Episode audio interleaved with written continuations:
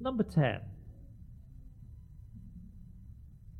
Armadillos, meaning little armored ones in Spanish, are New World placental mammals in the order Cingulata. The Chlamyphoridae and Dasypodidae are the only surviving families in the order, which is part of the superorder Xenarthra, along with the anteaters and sloths. Nine extinct genera and 21 extant species of armadillo have been described, some of which are distinguished by the number of bands on their armor.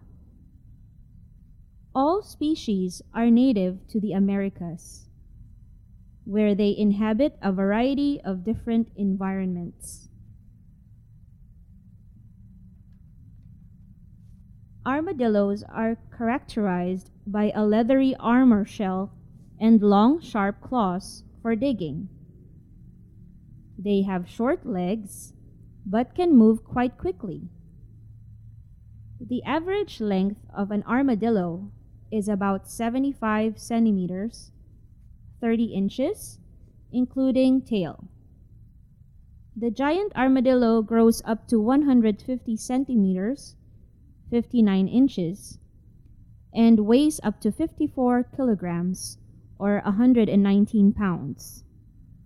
While the pink fairy armadillo has a length of only 13 to 15 centimeters, 5 to 6 inches.